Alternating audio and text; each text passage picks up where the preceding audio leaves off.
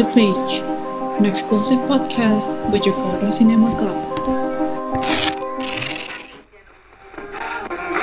Quale segno plenario? L'aria posta dal conflitto tra ragazzi. Esatto. Eh,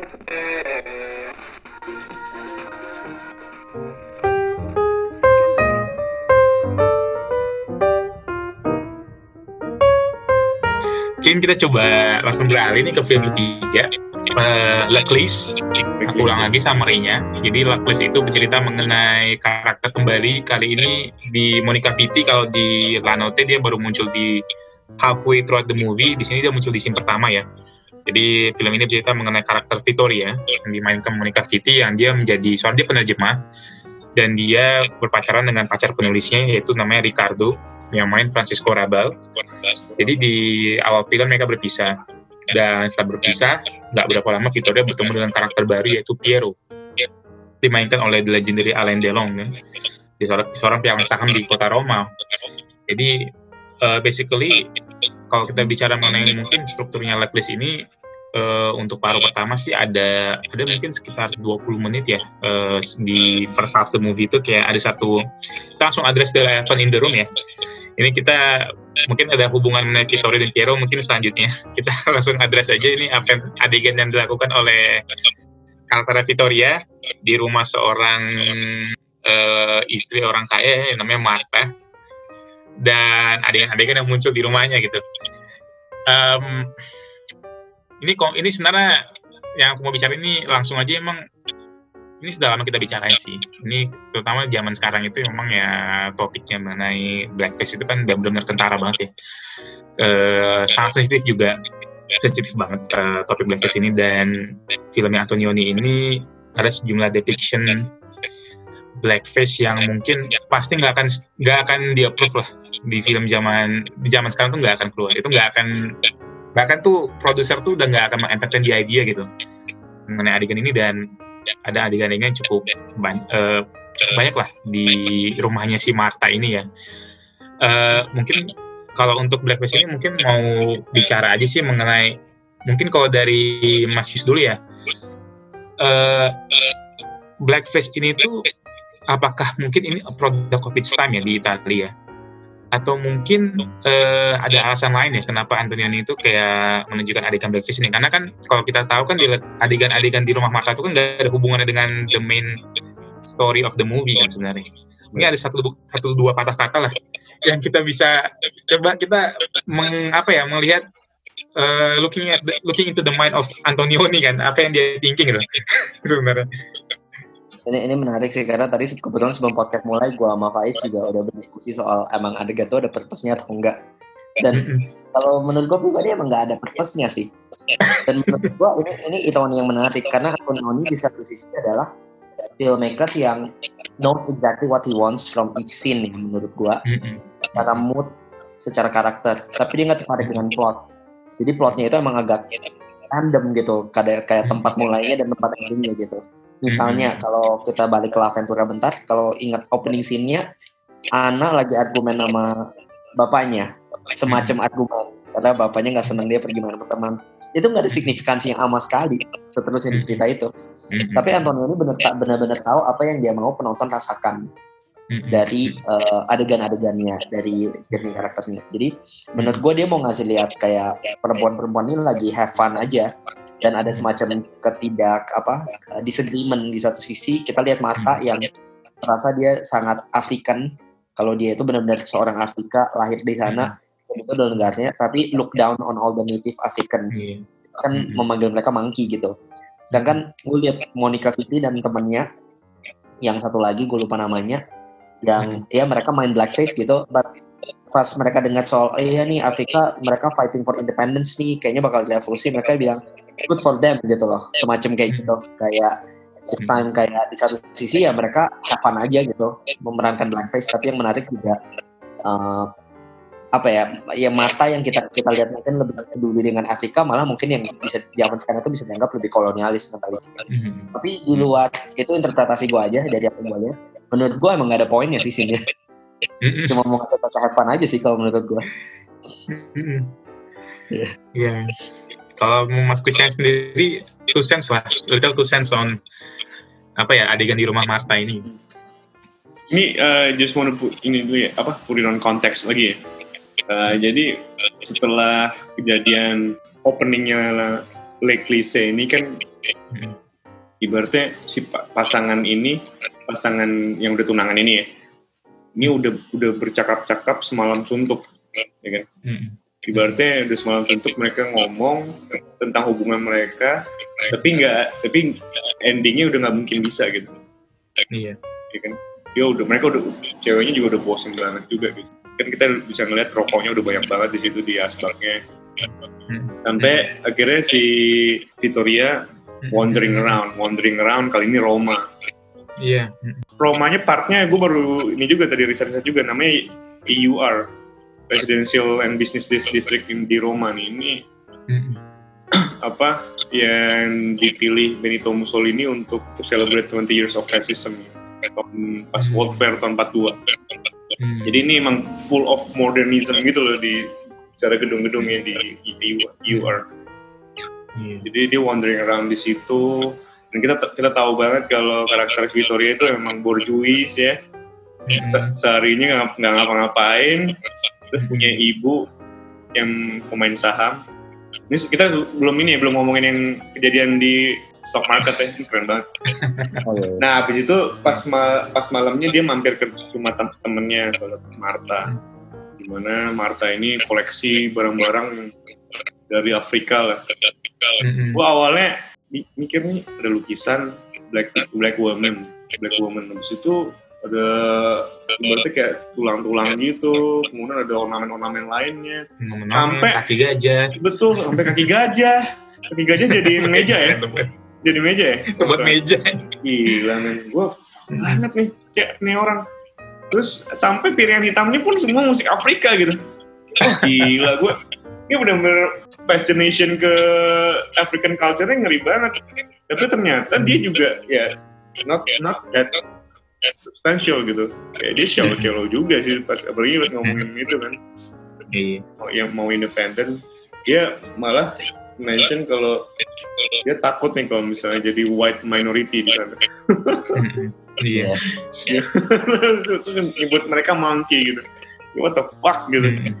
Jadi gue Hmm. gue setuju sama Is itu nggak ada signifikannya itu ibaratnya memang harus ada gitu di situ Hmm. sebagai salah satu berarti kayak rentetan kejadian yang ditemui oleh si Victoria pasca breakup Hmm. gitu gue Iya. kayak gitu sih gue lebih amazed sama kejadian yang di market sih yang di pasar Hmm. saham sih wah gila Hmm. itu Itu keren. itu eh, gue nonton sama Melanie dia dia sampai bingung "Ini orang pada ngapain sih Iya. jadi pasar saham dulu kayak gitu gitu mungkin Hmm. orang orang yang nggak nggak uh, aware gitu kalau sekarang kan semua main saham udah pakai Iya. komputer atau Iya. handphone kan kalau dulu kan wah Mm-mm. Jadi kalau tahu harga itu kalau dulu tuh ya lu dengar orang ngomong ya baru lu Iya, kan. Nanti lu naro lu beli saham itu pada saat lu udah tahu nih harga bakal naik kan. Kalau dari mana lu dengar orang bisik-bisik kan. Kalau zaman sekarang mungkin lo harus ngehack mungkin ngehack eh, apa ya orang-orang insidernya Iya. baru tahu ini informasinya kan. Hmm. Atau lu jadi insider sendiri kan, bisa insider trading. Jadi emang Hmm. unik sih. Em, di situlah dia ketemu memang. sama si kan Hmm. Piero Iya. Piero. Piero kan dia jadi apa kan pialang saham stockbroker. Eh, Dan karakter- mungkin kita sekarang bisa beralih ke karakter Piero ya. Jadi Sikeli itu sebenarnya karakter Piero. Pada saat dia bertemu Piero inilah cerita sebenarnya dari Leklisa itu dimulai ya.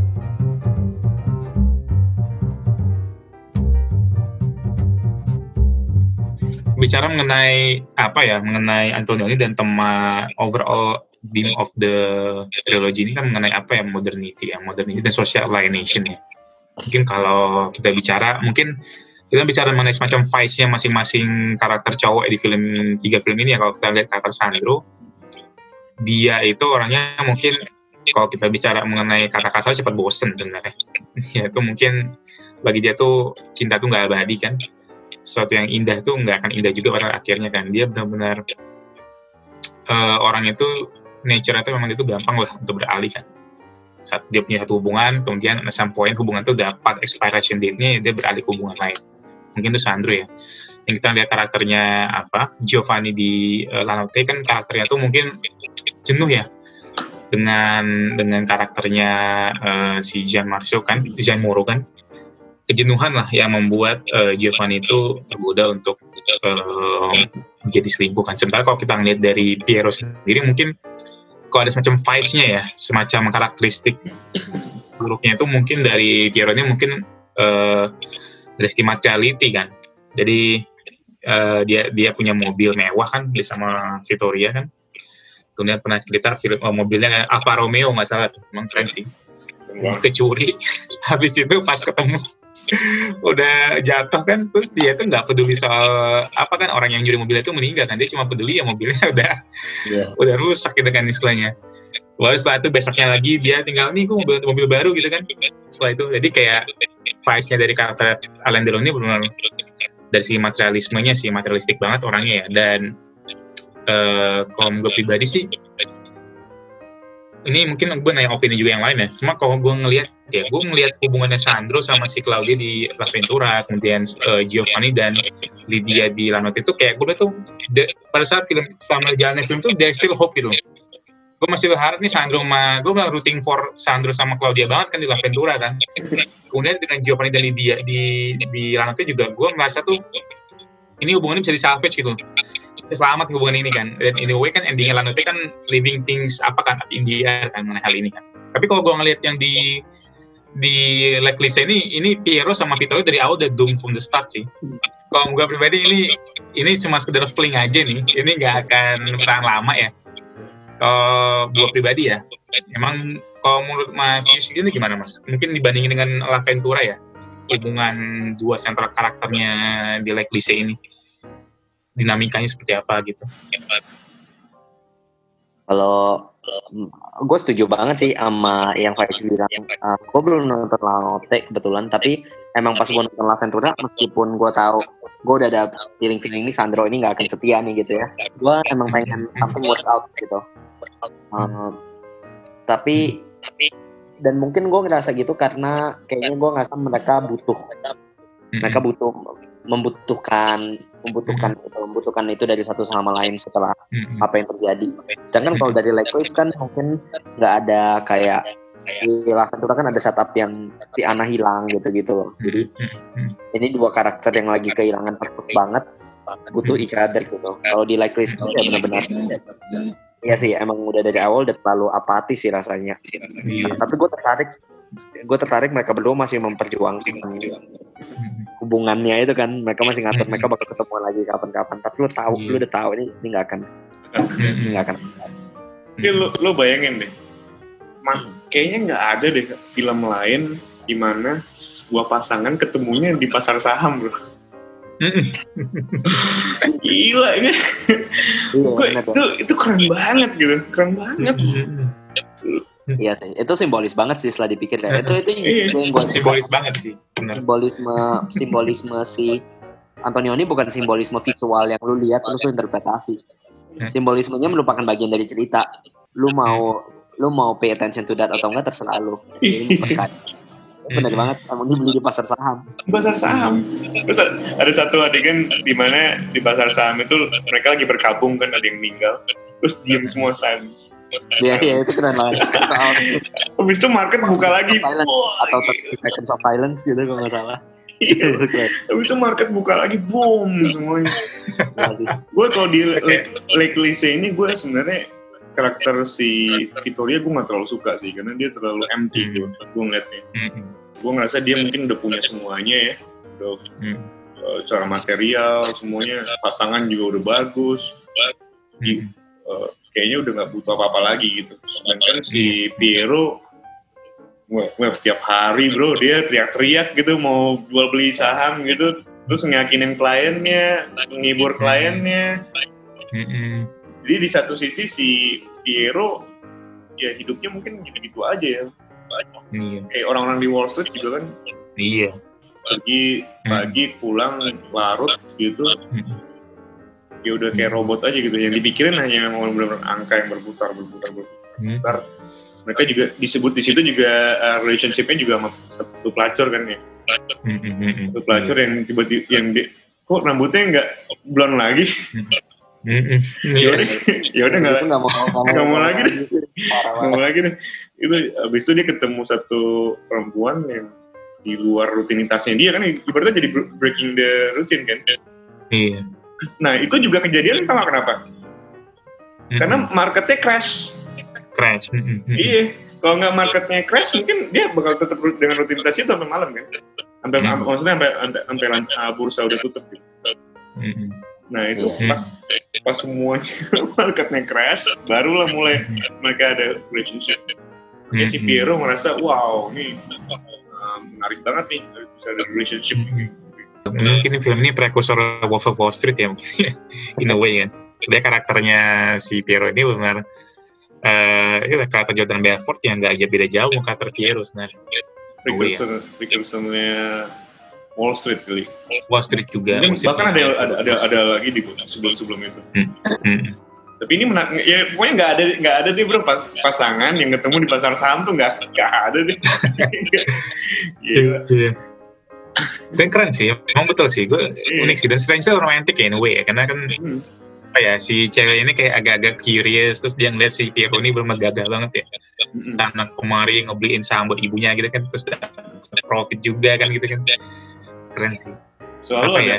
terus ada kayak ada batasan gitu di antara mereka memang kan kan lo bilang tadi doom to doom to doom to fail gitu Mm, mm, mm, mm. Di awal ya. Kan selalu ada bat, kayak ada batasan gitu. Ibaratnya pas mereka awal ketemu juga kan ada pilar itu yang ngebatasin mereka. Iya. terus ada ada yang ciuman di kaca itu Leklisi apa Lanote ya gue lupa. Leklisi Eh, yang mereka ciuman. Itu klise kayaknya. Klise kayaknya. ciuman tapi ada kacanya gitu. Di Klise. Lanote. Lanote. Ya Lanote. Ya gue lupa gue Lanote. Lanote. Iya oleh Alain Delon screen time-nya dia di, cenderung, eh, dibanding karakter utama pria di film-film yang lain masuk dikit sih. Mm, mm. Karena emang nggak banyak yang bisa Iya. dimain sih dari karakter. Mungkin karakternya juga selain dia paling simplistik ya in a way karakternya sih. Tapi gedung-gedungnya dong bro, gila. Hmm. Ada gedung yang mirip UFO. Mm-mm, Oh iya iya. tuh, Iya, yang di awal pas Kayak di- balik kan dari iya, jalan. di Seattle ya. Iya, Iya. pas dibuka, ada dibuka. Wah, lumayan. Dan ini film tahun 62 gitu. Dan jangan lupa lo eh, bahas tujuh ending ending yang tujuh menit full of Iya, gue baru Iya, mau nanya itu. full of Itu architecture. menurut kalian gimana? Itu Cuman Itu- apa jalanan, air bergenang, terus Iya. itu per- penutup Kalau- yang penutup yang sempurna sih gue ngeliat. Mungkin mungkin tanggapannya gimana mengenai ending scene itu? Apalagi itu kan fokus banget dengan geografi ininya, geografi geografisnya, Iya. arsitekturnya. Iya. Mm-mm. Apa menurut lo? Menurut lo kenapa ada adegan itu di situ?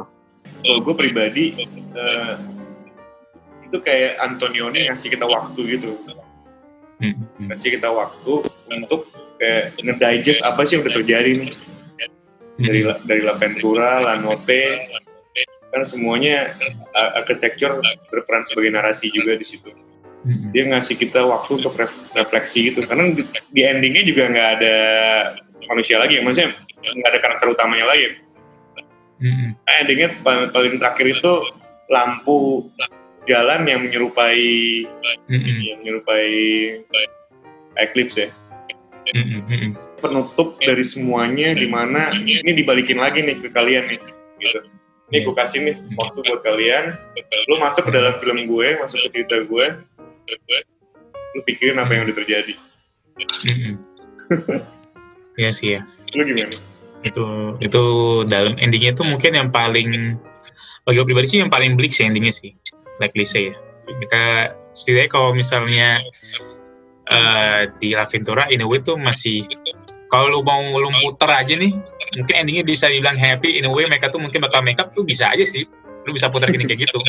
Terus kalau di Lanote juga ya sama lah implikasinya mereka makeup juga bisa kan. Tapi kalau di eh, di like Lise ini emang udah mereka jadi mau ketemu dan emang mereka nggak ketemu kan. Iya. artinya bagi mereka dan itu semacam pas kasih understanding ya. Kayak understanding yang udah secara batin memang kita nggak mau lanjut lagi kan di hubungan ini kan. We had our time and now we ending it gitu kita selesaikan aja gitu. Dan uh, perfeksi sebagai penutup seperti yang bilang Mas Christian bukan cuma sebagai penutupnya Mas Yus juga ya bukan sebagai penutupnya lagi saya tapi juga penutup dari triloginya Antonioni ini.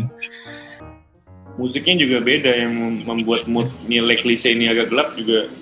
Gue kan Iya. habis nonton gue langsung ngulik di Spotify gitu soundtracknya Agak ambien, ambien. Giovanni Fusco. Itu kalau Lanote kan ah, Lanote kan jazzy. Mm-mm. Mm-mm. kalau Fus, eh, Giovanni Fusco yang di klise lebih iri iri music Ya, gue gue inget gue inget 2001 Space Odyssey sih gue dengerin musik musiknya Mm-mm. emang arahnya ke situ. Eh gue gue mau nambahin sebelum sebelum uh, uh, pertanyaan Faiz, uh, gue mau nambahin aja mengenai ending sequence itu. Mm-mm. Ya uh, echoing yang tadi Putra udah udah jawab, gue gua gue setuju banget sih sama sama interpretasi lu. Uh, gue ngerasa itu emang udah perfect banget buat dia mengakhiri triloginya dengan ending sequence itu ya 7 menit itu. Kayaknya benar-benar mensummarize uh, beliefnya si Antonioni mengenai love gitu atau modern Mhm. love. Dia emang ngelihatnya itu at, at the end of the day uh, modern love seperti itu. It's shots of empty landscapes gitu. Mm. Yang benar-benar dark, yang agak eerie. Um, tapi at the same time still very beautiful juga kan. Benar-benar beautifully framed. Kayak itu conscious effort banget untuk men-shooting apa pola-pola geometrisnya itu dengan sangat indah. Jadi kayak kayaknya gue ngeliat Antonioni itu mungkin kayak karakternya Santo sih. Dia melihat semua amorality itu sebagai sesuatu yang beautiful gitu. Sesuatu yang Iya. characterize mungkin modern human atau him. Ya, tapi gue suka banget sih ending sequence itu. Sebenarnya gue gue saya agak mungkin karena poin-poin yang tadi Faiz bilang juga agak eh, kurang attach jadinya dibandingkan misalnya La Ventura. Gue ngerasa juga semua yang disampaikan oleh Leclerc Leclerc itu udah disampaikan oleh La Ventura dengan cara yang terlalu mirip. Jadi Leclerc itu udah agak kayak turun lah ininya, impactnya gitu. Tapi pas sampai ending sequence itu gue bener-bener wah gila. Ini it's worth watching just for that, that minutes alone. trivia aja nih kan dia love love love partnernya kan Monica Vitti mereka berhubungan dari tahun 60 sampai 70 Mm-mm. berarti ada masa di, berarti ada ma- ada ada poin di mana mereka putus dong ya kan? Iya. lu gue gak kebayang sih maksudnya ketika mereka putus sedangkan film-film yang dia bikin itu semua ada poin itu gitu in Mm-mm. real life gimana Iya, iya. Mereka nggak pernah nikah ya masalah ya. nah itu gue Nggak pernah nikah juga. Jadi kayak Ya, maksudnya, maksudnya kalau kita ngomongin relationship lah gitu. Maksudnya dia, Hmm. dia menggambarkan relationship yang bleak, modern relationship yang kayak temporary gitu. Mm-mm. Dan ketika mereka putus, apakah mereka menjadi kayak salah satu pasangan yang di trilogi itu? Mm-mm. Nih, Gue gue jadi Monica Vitti yang asli lebih kayak karakter yang di Leclerc atau yang di La Ventura ya. Itu kan dia meranin dua karakter yang berbeda jauh banget beliefnya. Bener-bener. Kita mensummarize trilogi ini secara in general. Mungkin ini mumpung kita bicara trilogi ya, dan ada tiga film, mungkin gue mau nanya dulu nih. Eh, memang kalau misalnya mungkin dari apa ya, general aja sih. Mungkin eh, bisa bisa bisa secara apa lah, secara konsensus bilang ya, mungkin dari La Ventura, La Notte dan eh, dari La Clise itu yang mungkin yang paling berkesan mungkin apa ya gitu ya, mungkin bagi buat Mas Irfan gitu ya Yang paling berkesan. Mm-mm. Di antara tiga film ya yang Hmm. pertama sih La Ventura sih. Ventura ya Mm-mm. Karena semuanya tuh dapat eh, fokus semua Mm-mm. karakternya tuh nggak ada yang satu dimensi, surrealnya dapat, ininya dapat, Hmm. teknologinya dapat. Ya pokoknya banyak karakter-karakter yang tiba-tiba kita nggak perkiraan, tiba-tiba datang, kita pikir sebagai eh, Hmm. apa namanya sebagai penyelamat gitu ternyata nggak ada nggak ada efeknya gitu kayak Mm-mm. wah jadi kayak ini Hmm. saya- kayak itu, itu kan banyak karakter-karakter yang muncul kayak seolah-olah wah ini Deus Ex Machinanya nih bakal Hmm. akan menyelesaikan semua kebuntuan ternyata ya cuma lewat doang kayak nelayan yang datang di rumahnya itu cuma nunjukin ini foto keluarga aku ini ini ini Ini yang dari ini terus oh, itu Australia gitu loh kirain kayak bakal warga lokal yang misterius dan diterus segala ternyata nggak nggak sama sekali kayak apa Deus Ex Machina itu nggak ada gitu loh Eh, eh. ya emang itu karakter nelayan tuh unik sih. itu ya itu yang ini nggak sih yang mereka ber- eh, bermalam di rumahnya bukan sih? Iya di gubuknya. Iya. Karena dia cuma ngasih tahu ini ini foto keluarga gua. Udah gitu udah udah. Iya. di awal Kan, kan random ya. Tiba-tiba Dia dari Australia ya? apa? kita kita bakal mikir dia bakal marah kan Narota terus marah kan. Dasar orang lancang. Ini enggak ini keluarga aku nih ini ini amanku ini. Hmm. terus makin ke sini makin ke sini tuh nggak nggak nggak ada Deus Ex Machinanya udah. Ya sama sih yang ditangkap. Pernah ditangkap tuh sama polisi terus diinterogasi gitu kan. Ini lo ini anak nih gitu. Terus, enggak enggak enggak enggak. ya udah ya udah. Ya udah. Ya udah. Ya Ya, Ventura ya itu itu momen komedi mungkin ya. Jadi Momen eh, levity ya. Di antara ketegangan situasi itu tuh ada sedikit levity di situ sebenarnya. karena itu breaking ini breaking normal movie trope sih oh iya iya saat itu ya saat itu ya. benar. mau nambahin bentar ke poinnya poinnya Advan yang itu soal randomness-nya. Nah itu yang uh, itu menarik juga sih karena mungkin kalau kita ngelihat dari, dari sebagai penikmat film aja dari segi plot emang kayak banyak yang random. Tapi mungkin kalau lu benar-benar gue sih pribadi enggak ya. Tapi misalnya seseorang yang nonton benar-benar memperhatikan kayak kar- emotional karakter arc-nya kayak perjalanan emosi karakternya mungkin di film dia tuh nggak ada yang random gitu loh. Kayak dia ngasih lihat scene kayak gini like kata gitu karakternya lagi ngerasa kayak gini gitu. Karena dia karena karakternya sekarang lagi kayak gini waktunya mulai ngadain scene yang lebih, lebih kayak gimana gitu loh. Kayak semua tergantung dengan state of mind karakter di saat itu. Gue ngeliat sih cara penceritaannya begitu banget sih. Tapi gue nggak belum benar-benar kayak nganalisin Baisin sih.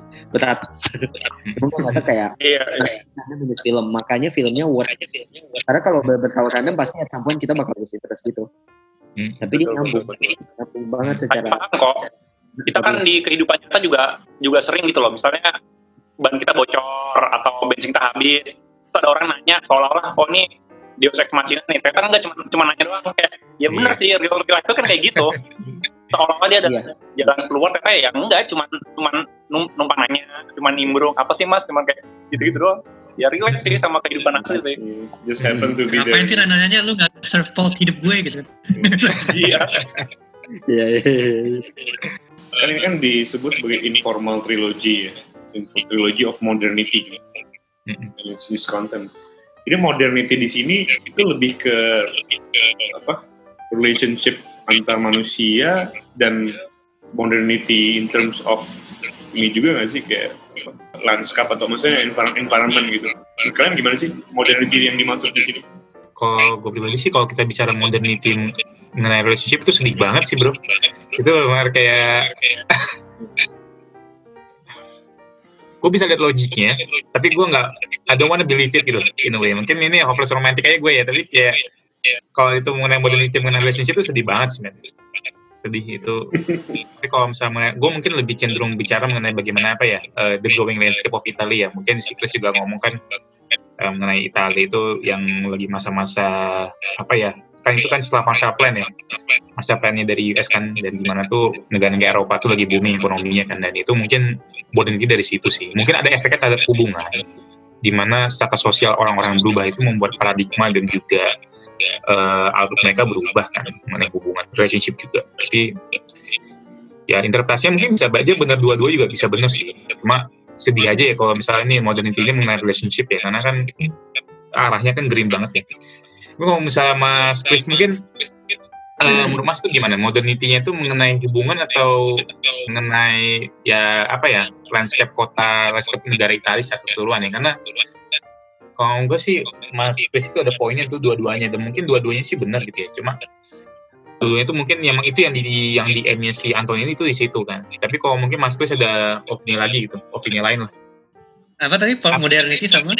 Modernity-nya mengenai trilogi ini kan mengenai modernity ya. Modernity Hmm. eh, dan juga sebenarnya social alienation sih yang aku dengar ya. Eh, modernity itu apakah dia dalam landscape Italia yang berubah gitu ya atau mungkin atau dalam hubungan itu ya? Karena kalau dalam hubungan kayak sedih banget ya gitu ya Eh, sebenarnya kalau dibilang sedih juga nggak salah sih itu kembali lagi kan tergantung interpretasi kalau bisa jadi orang-orang orang menganggap ini sebagai sebuah revolusi di mana lu nggak terkukung dengan namanya family value atau mm, love only with one person mm, mm. ada juga um, apa namanya kayak freedom of expression lah in a way. Mm-mm, mm-mm. Jadi modernity ini merepresentasikan pertama lifestyle Italian at that time, Hmm, terus juga mungkin kalau karena karena saya tahunya yang lebih ke social factor ya, nggak tahu kalau dalam segi-segi technical te- technicalities, dia lebih ke how people interact with each other dengan kondisi uh, sosioekonomi di sana yang pada ketika itu sebagai defining moment of modern modern era gitu. Iya. eh, eh, pasca World War II kan itu sih eh, kenapa modernity itu tapi kalau mungkin to describe any other elements gue kurang paham sih Eh, Hmm. Kalau Mas Putra gimana Mas? Artinya eh, tadi Mas udah ngomong sih mengenai itu ya, mengenai gimana apa ya eh, modernity itu. Tadi Mas Kris, Mas Kristo kan ngomong soal lifestyle ya. Itu juga mungkin bisa jadi poin apa juga ya Mas Putra. Artinya lifestyle modernity mengenai lifestyle kehidupan Italia yang berubah kan, terutama dengan munculnya kampung burjuis baru kan, industrialis juga. Satu satu poin lagi sih sebenarnya gue respectnya sama Antonioni ini adalah historically di, di, di- dari berasal dari keluarga yang berada Iya. gitu. Oh dari Mm-mm. profilnya sih. Dia happy Dan- childhood lah ya. istilahnya. Betul. Dan dia bikin film tentang borjuis gitu. Nggak tahu ya, kalau yang sebelum-sebelumnya kan ada, ada banyak yang neoreal, neorealism ya, yang kayak Vittorio De Iya. Sica, apa, hmm. eh, Rossellini ya, Rossellini. Mm-mm. Mungkin mungkin dari situ juga kali modernity itu muncul gitu. Kayak orang-orang bilang, mungkin Yus lebih aware dengan itu. Mm-mm. Kalau Yus sendiri, Mas Yus mungkin Kayak si- cinema before La Ventura kalau Yus. Gimana? Mm-mm. Ya, eh, per- pertama gue eh dulu eh, good point ya Putra make mengenai di, eh, si Antonioni Borjuis dan buat film tentang Borjuis. Hmm. Hmm. Oh ya, berarti dia menganalisa dunia sekelilingnya dia. Mm-mm. Ya, gue setuju sama semua definisi Putra dan eh, Chris Christo mengenai modernity yang dimaksud gitu. Eh, emang gue ngerasa dia kritik criticize the way of life of Italian at that time.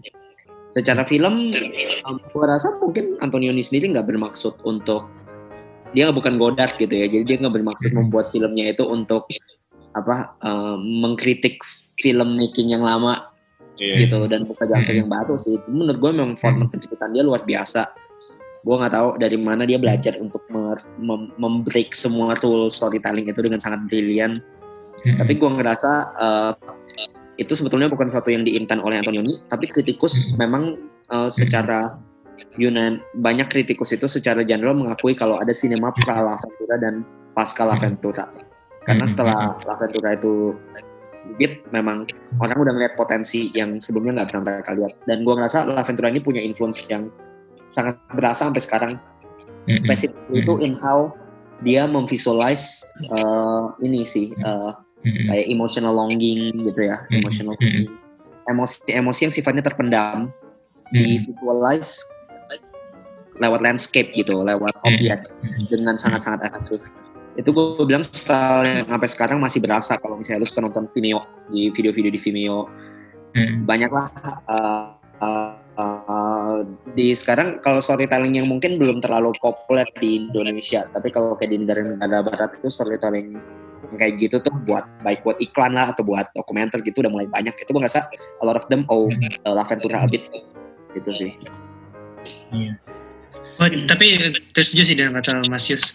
Nggak tahu ya kalau kalau correct me if I'm wrong. eh, kayaknya kalau Parasite juga ada sedikit influence Antonioni sih dari dia memanfaatkan apa namanya cue cinematic ya dengan mem-divide Iya. apa namanya Hmm. vertical divide dengan cara menggunakan bangunan untuk me- men- me- apa namanya mendeskripsikan eh, social gap class gap ya di di, di film Hmm. Parasite. Karena considering uh, direkturnya juga sebagai movie mania juga sih Bang Junho kan, dia juga banyak. Kayaknya mungkin ada sedikit influence Antonioni, tapi ya, I think that's what I've noticed sih, terutama dari bagian kayak pilar dividing, you know, kayak you know horizontal stuff. Kayak gitu-gitu. Antonioni juga film film kritik kan sebelumnya. dia dia dia mungkin nonton nonton La Ventura dulu sebelum pas pas pas nulis Di Criterion Channel juga ada sesi interview sama Sofia Coppola. Hmm.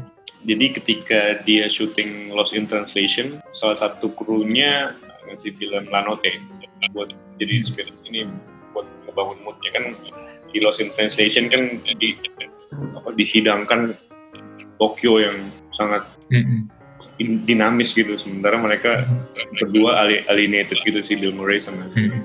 Scarlett Johansson Iya. Wah, ke- kecewa gue sih Sofia Coppola pas ngedirect Lost in Translation belum nonton La Notte. Iya iya gue gue gue juga pas ini sih. Wah bapaknya gimana sih nih bapaknya Bapaknya tuh bapaknya lah tuh.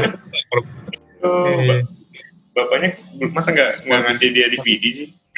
Tapi influence influence eh, nya berasa banget di in Translation. Sama kan, itu contoh film yang mencoba menggunakan landscape atau objek atau arsitektur untuk untuk mensimbolisasikan emosi-emosi yang terpendam gitu sih. Dan menurut gue itu sangat sulit sih, sangat sulit dan emang keren banget kalau berhasil dilakukan. Iya. Sama lah dengan film-film Ozu juga ya, to an extent cuma beda beda beda approach gitu. Tapi Hmm. mungkin bisa dengan shot kayak dermaga yang kosong atau sepeda yang diparkir tuh nyampein suatu kesedihan, nyampein suatu kerinduan gitu, hal-hal kayak gitu. Kalau di perfilman Indonesia ada nggak sih yang mengaplikasikan metode seperti itu? Kayaknya belum deh ya. gue sih gitu. gue gue pengen banget sih Yus, kayak gitu gue pengen Gue banget hopeful gitu, siapa tahu ada yang hidden gem gitu. gue pengen banget sih nge- eksploitasi Jakarta Iya, itu Jepang banget sih. Kalau Tapi I mean like it's not like uh, ini it's it's not like this kind of method bukan yang kayak aplikasi CGI yang mahal gitu kan. Saya Yeah. karena like a camera trick. If you know, then maybe Yeah. you can apply gitu kan. Kenapa ya masih belum ada yang pakai ya di Indonesia gitu? Iya, storytelling kita kan banyak kan terinfluence oleh Amerika ya specifically. Jadi karenanya beda. Tapi mungkin di film-film yang di Jogja itu mungkin ada sih. Gue sih belum nonton ya. Cuma mungkin kayak yang film kayak Yosef Angginun gitu mungkin nggak tahu. Ya kalian yang udah udah udah udah off topic ya. Tapi mungkin I won't be surprised kalau filmnya mencoba uh, patokannya ke arah seperti itu. Hmm. Yang jelas film-film maker kayak bahkan kayak kayak bahkan Gari Nugroho sekalipun nggak ke arah situ sih. Antonioni baru dapat kan apa Palme d'Or itu dulu namanya Grand, Grand Prix ya Grand Prix Mm-mm. itu baru di blow up ya Iya, tonton ya. Empat tahun setelah uh, klise. itu karena ini doang nggak tahu karena udah udah lama jadi favorit adalah dikasih lah Gitu lah. Udah kayak tapi anorak. blow up sendiri Blow menurut, Up spesial, menurut spesial banget sih ya gue nonton blow up dulu dulu gitu Iya. Gua- like most people gue mengenal Antonioni dari blow up tapi setelah nonton La Ventura gue ngerasa it's nothing Iya. special banget. Bukan apples to apples gitu. Tapi Iya. kita masih tahu itu Antonioni iya iya iya. Ya kan? Ini kal- kalau lo ingat rumahnya si fotografer itu itu uh, layout rumahnya dia itu itu menarik banget. Dari dari tempat studionya nah ini mulai datang nih. Dana Dana katanya nonton blow up udah 10 kali katanya dia. Karena punya Iya. Oh, iya. Bisa Mas Dana gimana nih blow up play blow up mas? kalau lo kan makan dulu sama tadi. Iya, Tadi blow up ya. eh, kan Eh, ya gue itu favorit gue sih. Cuman gue sebenarnya nggak suka. Gue kan nggak suka post post post modern ya. Nah itu tapi blow up tuh bener-bener kayak apa ya? Kayak ledakan lah, ledakan post modern gitu. Jadi uh, bukan Antonioni itu memang eh, apa ya? Dari dari cara dia bertutur, dari narasinya, dari visualnya itu emang ini banget sih. Menurut gue uh, uh, lebih banyak inter- interpretasi gitu. Jadi dia menceritakan itu in- in- interpretasi dia nggak pernah menyajikan fakta lah, fakta hitam di atas putih itu nggak pernah. Jadi dia selalu interpretasi penonton, uh, asumsi penonton. Jadi kita yang ini apa yang karakter ini sedang rasakan, apa yang karakter ini pikirkan. Jadi dia nggak pernah menyajikan kalau oh ya itu si A uh, melakukan hal uh, seperti yang ditunjuk di B. Gitu. Nah, jadi kita bermain sendiri gitu di dalam kepala kita. Kalau menurut gitu. blow up malah justru banyak influence dari Giallo kali ya iya sih blow up Ya lo, maksudnya? gue ngera- gua ngerasa ada influence Giallo tapi maksudnya yang naik level gitu Giallo-nya Oh, itu kan uh, murder, mi- Cara- mur- mur- uh, murder mystery juga. Hmm, gitu. Iya sih, iya Kan sih. karena setnya banyak di interior gitu gue gue merhatiin layout rumahnya gitu gitu dari misalnya pintu masuk gitu terus ke studionya dia living roomnya dia kamarnya dia terus kemudian ada, ada lorong lagi yang berputar gitu eh rumahnya kayak gimana ya kalau dibikin layout Oh, iya sih, iya sih, bener sih. Iya, iya, iya, iya sih. Yang jelas um, misterinya kuat banget sih di blow up itu. Hmm. Tontonnya itu di media di misterinya itu gitu. Apa misteri tentang apa ya? Ya pokoknya eh, memang ada yang ditutupin gitu. Memang memang dari awal tuh memang disengaja ditutupin. Nah itu yang kita nggak eh, nggak tahu kan sebenarnya apa apa sih gitu. Oke oke oke. Tapi 1960-an, 1960-an istilah postmodern udah ini belum sih emang? Udah. Udah ada, udah Kan dari tahun masih- 50-an, 40-an kali ya. Oke. Yang dimaksud postmodern tuh kayak gimana sih? Postmo? Postmodern itu pasca modernisme pastinya ya kalau dari kata-kata. Cuman kalau post kalau modernisme itu kita bicara tentang apa ya, progres sosial, tentang kemajuan teknologi, tentang eh, eh, ini apa, revolusi industri gitu. Nah, kalau postmodern itu eh, lebih ke apa ya eh, efek dan dampak dari dari modernisme itu. Jadi kita Hmm. kayak berusaha menginterpretasikan ulang gitu struktur-struktur yang diciptakan di era indus- eh, industrialisasi. Berarti kalau sekarang kita udah di apa nih era udah Osmo. udah nggak jelas lagi. kontemporer Iya. Udah nggak jelas lagi udah sekarang. Pasca posmo. Pasca posmo. Yang Dana sebut itu emang Antonioni lebih tepat dianggap sebagai post postmodern filmmaker sih kalau Trilogy of Nothing apa Nothingness ini. Cuma Iya, itu uh, way ahead of his time ya. Itu sebenarnya Karena dia Tapi. Interesting piece of news ya dari uh, statement Jin Yong Blood ya uh, di bukunya. Itu kan dia salah satu pengamat film juga ya. Um, waktu si film La Ventura ini rilis di Cannes Film Festival itu dapat cercaan loh sama yang nonton. Iya. Kata dia bilang ini this is like literally real life drama. You know like Monica Vitti, she literally cries. dia menangis tau keluar dari teater gitu. Oh, iya, Gara-gara orang-orang tuh kayak apaan sih ini satu scene gak ada apa-apa nih. Uh, Iya, iya. Itu menurut gue aduh impactnya pasti aduh pasti Iya, keras Iya, banget. iya, iya. Tony ini bilang lu gak ngerti art Iya. Sementara Hollywood jadi Hollywood lagi Nah. yang ini kan lagi yang Douglas Sirk gitu kan yang melodrama. Ya, even The Apartment, The Apartment is a good movie. Cuma kan itu it's such a good old Hollywood classic story sih. Iya, gue suka juga sih. Apartemen Billy Billy Billy Wilder ya. Bill Wilder. Iya. Coba deh. Billy Wilder. Oh, oke oke. Ya, ya, ya ini menurut saya ini uh, typical film yang get better with time when people first release people doesn't appreciate it tapi Iya. Ya ya. gets better lah kayak wine lah Ageless. Ya, kalau gue ingat ada, satu Amerika emang lebih lo, emang logis ya, mengisi apa penuturannya, penuturan ceritanya gitu. Hmm. Ya, Amerika sama Inggris lah mirip-mirip. Kalau Italia kan kayak Perancis gitu banyak. Mm-mm. Aktor aja tuker-tuker ya. Iya iya. Delon bisa muncul film Antonioni ya. iya. Itu, itu dub ya, berarti ya? Dub semua ya? Eh, kayaknya nggak, kayaknya dia ngomong bahasa bahasa Prancis, eh bahasa Italia nggak sih? Delon. Sama itu juga Jane Monroe, Jane Monroe yang pernah jadi Jane. Lydia kan juga artis Prancis. Iya, Ian Moro juga. Gue ngeliatnya soalnya rada, rada nggak sync sih. Agak- Oh, oke. Hmm. tau gue memang film Italia zaman itu banyak yang dub sih. Uh, Memang banyak yang didubbing dub sih. ya. semua. Hal. Tapi gue jadi kayak after dubbing Inggris maksudnya dubbing Itali, dubbing bahasa Italia. oh jadi kayak dia pre-record terus dia tambah gitu soalnya Soalnya mereka Hmm. kayak masalah dengan rekaman suara langsung gitu. Kurang canggih alatnya. Tapi gue terlalu immerse pas nonton Aventura sampai gue udah gak perhatiin sih jujur. Mm-mm. Ya, Ya, diarnya padahal clear ya, tapi udah gak perhatiin teknisnya sama sekali men. Iya, iya, bener-bener. Kalau di kalau misalnya memang dub itu rada sayang aja gitu Ak- aktris kelas Ian Moro terus sama Alain Delon yang suaranya juga kan punya khas sendiri gitu tidak Iya. Tapi, Kayak tapi film itu The, The Leopard itu kan Visconti kan si Oh, Bert Bert sekali ya. Visconti. Ya, bilang. Iya, iya. Hmm. Itu Tapi ya. juga banyak yang ya itu dub Manchester banyak banyak yang bilingual juga kan banyak yang memang bisa ngomong bahasa lain kan jadi kayak si siapa tuh eh, artis yang dibunuh tuh lupa. Eh, siapa namanya? Eh, istrinya Roman Polanski. Nah itu juga bisa bahasa Italia. Oh, si Sharon Tate. Sharon Tate. Sharon nah, Tate. muncul di Once Upon a Time in Hollywood. Ah, iya benar. Nah itu film terakhirnya kan film eh, Italia.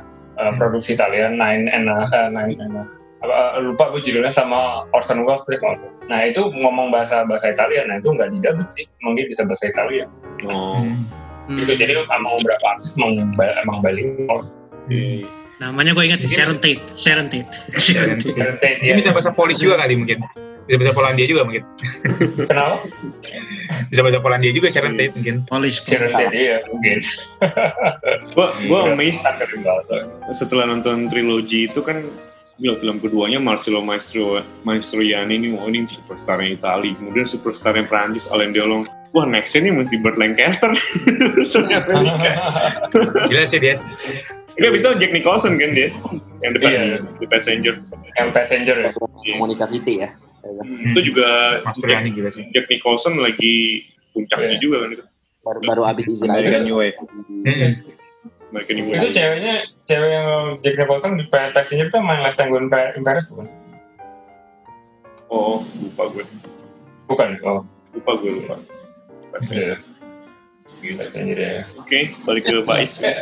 Mm-mm. Alan Delon, Alan Delon tuh mirip eh, si apa Mas itu mirip mirip Alan Delon. Gue lihat tuh, gue pikir Eh, tukar Mastroianni.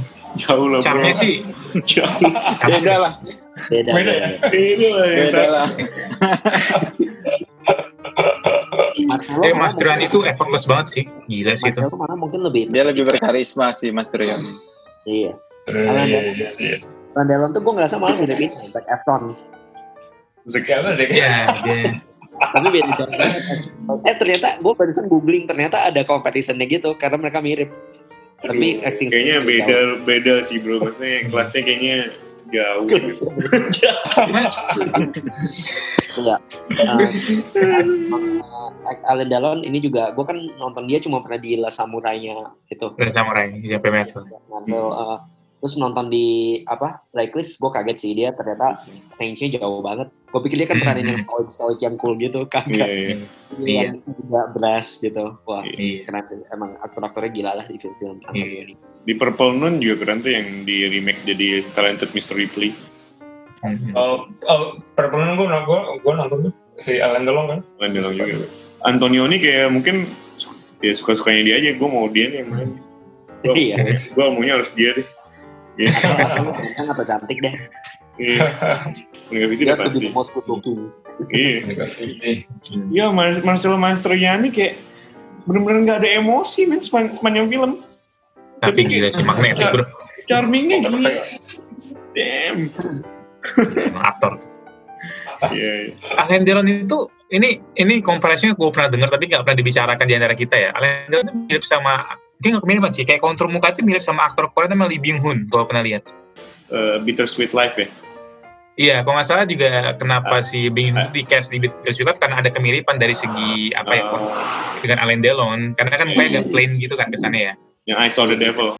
Yang di Eh, jazz gitu juga. Nice of the devil. Nah, so the Devil tuh kesukaannya. Kristo tuh. Itu, Nice. itu Nice. Jewan, Pikli Jewan itu. Di next next time mungkin bisa refresh lagi tuh Korean New Wave. Heeh. Ya. Oke, back, back, back to you back is. to back to Antonioni. Nice. Tadi kan sedikit apa ya sedikit tangent mengenai Alain Delon ya. Em, menutup ini kita ada tiga film yang tiga tiga film ini. Tadi aku udah nanya sama Evan, Evan sih. Evangelion. Sebenarnya susah sih. Ini kayak picking our favorite child sebenarnya ya. Tapi mungkin eh, aku coba ke Mas Christian. Kalau yang paling berkesan tuh apa ya? Di antara tiga film ini. Gue merasa semua bobotnya sama gitu sih. Tapi gue ya. karena gue ada ada bias gue sama cerita yang jadinya satu hari. Jadi gue mungkin lebih ke Lanote. Hmm. Mas Mario gimana? Kalau yang trilogi ini eh, yang mau yang paling berkesan ya itu yang film pertamanya dia. Oh, ya. Walaupun iya, soalnya gue nontonnya udah lama, tapi yang masih ada di kepala tuh, Hmm. yang pas gue nonton lagi yang paling sering kebayang tuh, oh ini udah Iya. kalau kayak Lanote atau Blacklist tuh Hmm. gue udah terus terang udah udah udah lupa. Tapi yang La Ventura ini emang itu tuh kayak apa ya, secara visual bagus ya, Uh, Iya. landscape semua gitu kan.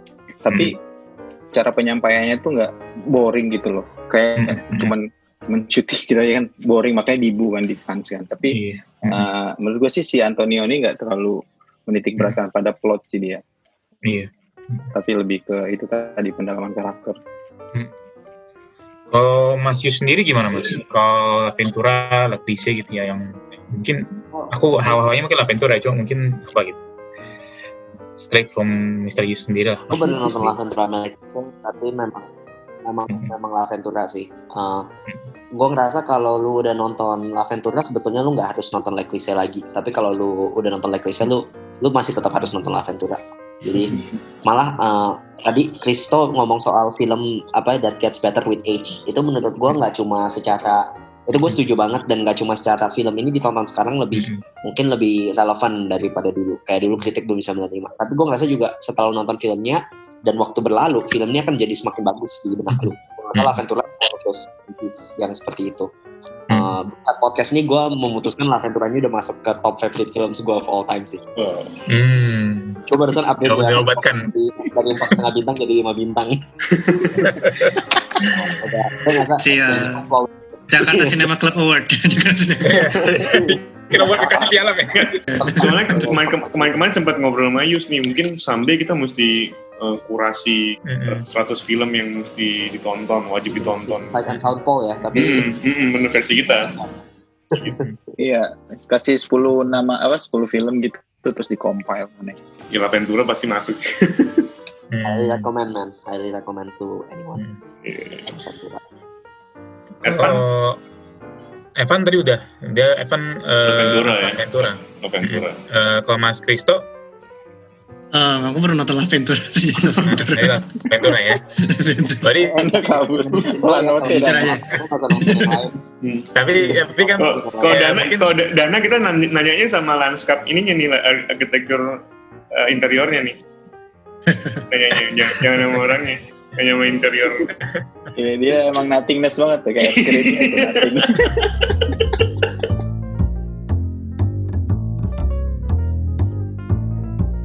kalau gue pribadi sih lah note sih. Em, Hmm. ya itu sebenarnya ya, opini gue sama Mas Putra ya mirip-mirip gue suka banget ceritain dia tuh kayak dalam satu malam di mana pas sebenarnya nggak satu malam sih nggak nggak kayak after hours yang benar dari awal sampai akhir misalnya kan ini kan dia sebenarnya kan ada itu ya eh, the main apa kan the night the night itu kan dia di paruh kedua cerita kan tapi itu memang itu heart and the soul of the story di situ.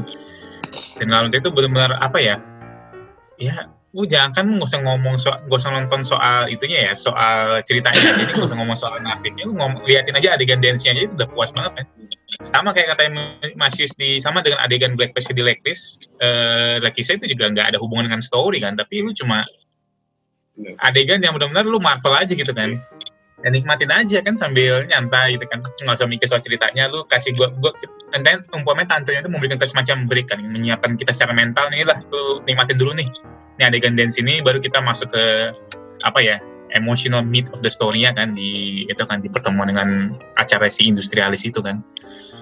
Menurut gue sih Lanote sih, Lanote biarpun La Ventura is very close, very close. Uh, ini kalau aku mau kasih ranking mungkin Lanote, La Ventura dan Lise ya. Kalau Kan gue top gue ngerasa La, La Note ya, tanpa tanpa Mhm. dialog bisa jalan gitu. Iya. Tanpa dialog. Tanpa dialog kita ngerti apa yang apa yang terjadi nih. Fluktuasi dari dari sore itu sampai pagi. Hmm. Tanpa dialog bisa. Pinnacle of show don't tell, right? Show. Hmm, Show don't tell. Perfect. Hebat banget. tuh. Apalagi yang gue suka tuh uh, black and white-nya tuh. Jadi Iya. kalau berwarna mungkin uh, itunya Beda ya? Iya. Like warnanya high definition tapi high definition. Bagus. Benar-benar. Benar. Sebenarnya kalau black and white itu sampai kapan sih? Kayaknya tahun Yang recent kan ada juga yang recent. Tapi itu mah cuma estetika aja ya. Enggak maksud gue Setahu gua- historical dulu pertama kali yang maksudnya semuanya udah udah color tuh tahun berapa sih? Kalau nggak salah pas Psycho sih udah udah color dengernya tapi kalau secara official itu Saya kan tahun 60. Late 60. Udah, udah merata semuanya color. Soalnya 60s. color masih banyak. Di 60s ya, 60s kali itu. hmm, 60s ya. Definitely 60 sih, karena 70 sudah nggak ada yang black and white kecuali emang emang sengaja gitu. Tapi Mm-mm. Sengaja betul. film yang masih black and white masih normal-normal aja. Iya. Late 60s udah udah nggak ada sih, udah nggak kedengeran. Tapi kalau nggak salah Disney kan udah mulai pakai color tuh. Zaman zamannya Snow White, Oh iya ya ya. nggak sih? Ini Itu uh, kalau 50-an kan. Hmm. full colors. Mm-mm. Berarti kalau triloginya Antonioni ini emang eh, saat itu memang teknologi belum ini ya, belum mumpuni ya berarti ya. Bukan karena dia memang sengaja Betul. black and white. Mu- Masih bisa- mahal. Bisa aja. Technicolor kan udah ada tuh tahun segini. Mm-mm. Berarti bisa bisa juga dia emang sengaja gitu ya. Iya. Mm-mm. Tapi mungkin juga dia nggak nggak paying attention to the importance of color karena mungkin dia lebih fokus ke Iya. merah ya, dan segala macam. Iya, tapi Nah, dapat kayak gitu, who cares about colors sih? Oh, tapi tapi black and black and white-nya bener ini loh, beneran ngaruh sih kalau gua ngeliatnya. Iya, keren banget itu. Hmm. Ya, jangan-jangan pas Jadi pas lebih fokus apa, gitu. Antonioni di zaman modern nonton film 3D dia kayak harusnya dulu gue syuting latar Nah, ini harusnya gini nih, gue bikin Marvel nih, harusnya kayak gini. dia maunya shoot 3D sebetulnya color Aduh. teknologinya Jadi kadang-kadang ada teknologi, gue harus kreatif, gue harus kreatif, gue harus kreatif. White Terus dia nonton Cats kan, kayak, wah Cats, oh my god. oh Musik god. Taylor Swift. Taylor Swift, Judy Dench, This Elba. iya, langsung pronto pronto. By the way, ini ini uh, Magnifico. interme- intermezzo aja nih kan. Uh, kalau mau tahu nih kan, ada namanya buku dari uh, John Jin Youngblood, Expanded Cinema. Aku baru baca baru-baru ini. Ini kayak salah satu buku pionir yang yang mendeskripsikan video sebagai media arts kayak pertama kali. Jadi dia banyak kebahas tentang film-film tahun 70, era 70, 60, 50 kayak termasuk film Antonioni, film-filmnya uh, Space Odyssey kayak gitu sama dia kayak deep dive analysis terutama ke bagian uh, technicality, special effects zaman-zaman itu lumayan menarik sih untuk untuk lebih tahu gimana sih film zaman itu tuh. Judulnya apa, Chris? Expanded Cinema by Jin Youngblood. Di chat aja ya. Good idea. Ada yang bahasa Yunaninya juga mungkin. Bahasa juga. Eh, Is, Is tutup dulu kali, Is. Alpha and Omega. Setelah perbincangan yang sangat menarik dan sangat hikmat sih kalau gue pribadi sih dengan durasi yang panjang podcast ini tuh membuat kayak kita bisa lihat lah kita para pembicara hari ini tuh benar cinta banget sama Antonioni ya is the true master kan the true maestro Eh, terima kasih pendengar yang sudah eh, mendengarkan podcast hari ini kalau misalnya eh, mau ngasih opini ya mengenai Antonioni kemudian misalnya eh, ada semacam itulah mungkin rekomendasi mungkin film-film dari sutradara-sutradara yang mungkin setengah mirip bisa di bisa dikirim ke eh, Instagram kami di @jakartacinemaclub.com eh Jakarta Cinema Club atau eh, bisa ditulis juga atau juga bisa kalau misalnya tertarik dengan review-reviewnya Jakarta Cinema Club bisa dibuka di jakartacinemaclub.com. Eh, terima kasih kepada para pendengar yang sudah mendengarkan perbincangan kita mengenai Michael Michelangelo Michelangelo Antonioni. Sampai jumpa di podcast selanjutnya. Terima kasih. Ya, bye-bye.